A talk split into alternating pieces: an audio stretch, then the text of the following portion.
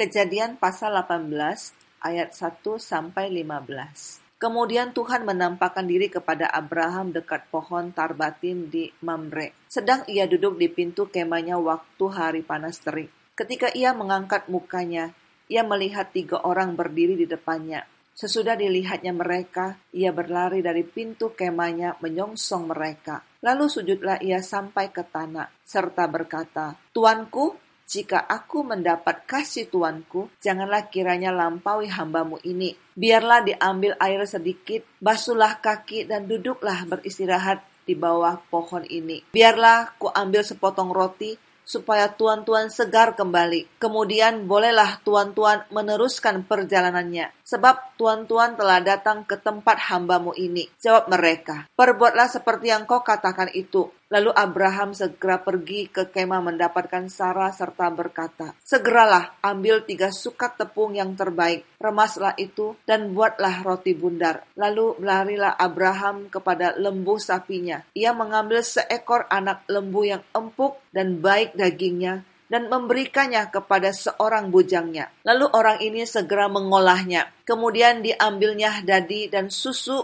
serta anak lembu yang telah diolah itu. Lalu dihidangkannya di depan orang-orang itu. Dan ia berdiri di dekat mereka di bawah pohon itu. Sedang mereka makan, lalu kata mereka kepadanya, Di manakah Sarai istrimu? Jawabnya, di sana, di dalam kemah dan firman-Nya, Sesungguhnya aku akan kembali tahun depan mendapatkan engkau. Pada waktu itulah Sarah istrimu akan mempunyai seorang anak laki-laki. Dan Sarah mendengarkan pada pintu kemah yang di belakangnya. Adapun Abraham dan Sarah telah tua dan lanjut umurnya, dan Sarah telah mati haid. Jadi tertawalah Sarah dalam hatinya, berkata, Akan birahika aku setelah aku sudah layu, sedangkan tuanku sudah tua? Lalu berfirmanlah Tuhan kepada Abraham, "Mengapakah Sarah tertawa dan berkata, 'Sungguhkah aku akan melahirkan anak, sedangkan aku telah tua?' Adakah sesuatu apa pun yang mustahil untuk Tuhan pada waktu yang telah ditetapkan itu?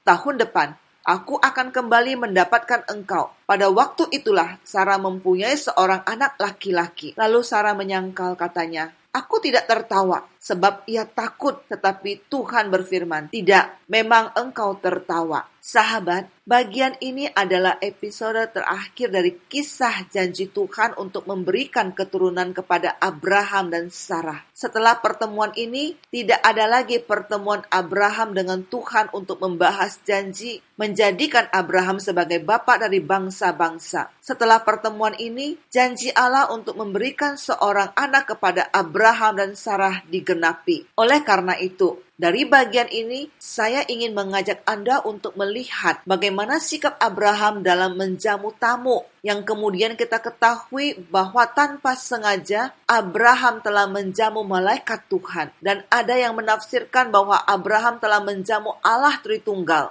Kita tidak tahu berapa banyak orang-orang yang melewati tempat tinggal Abraham yang telah dijamu Abraham ada satu keyakinan bahwa Abraham adalah orang yang ramah dan suka menjamu orang. Sehingga ada penafsir yang mengatakan bahwa setiap orang yang melewati perkemahan Abraham selalu diminta untuk mampir, beristirahat, dan dijamu. Dan kebiasaan dari Abraham ini yang menjadikan dia memiliki banyak sahabat, sehingga dia dan seluruh anggota keluarganya dapat hidup tenang di tempat itu. Sahabat, ada satu kata yang mengusik saya untuk membagikannya dengan Anda. Kata itu adalah kata segera. Ketika Abraham melihat ketiga orang itu, dia berlari menghampiri mereka dan meminta mereka mampir di kemahnya. Ketika ketiga orang itu menerima tawarannya, dia segera mencari Sarah dan meminta Sarah segera menyiapkan roti. Kemudian dia berlari mengambil lembu yang empuk dan baik dagingnya, menyerahkan kepada bujangnya yang segera mengolahnya. Kemudian dia mengambil dadi dan susu,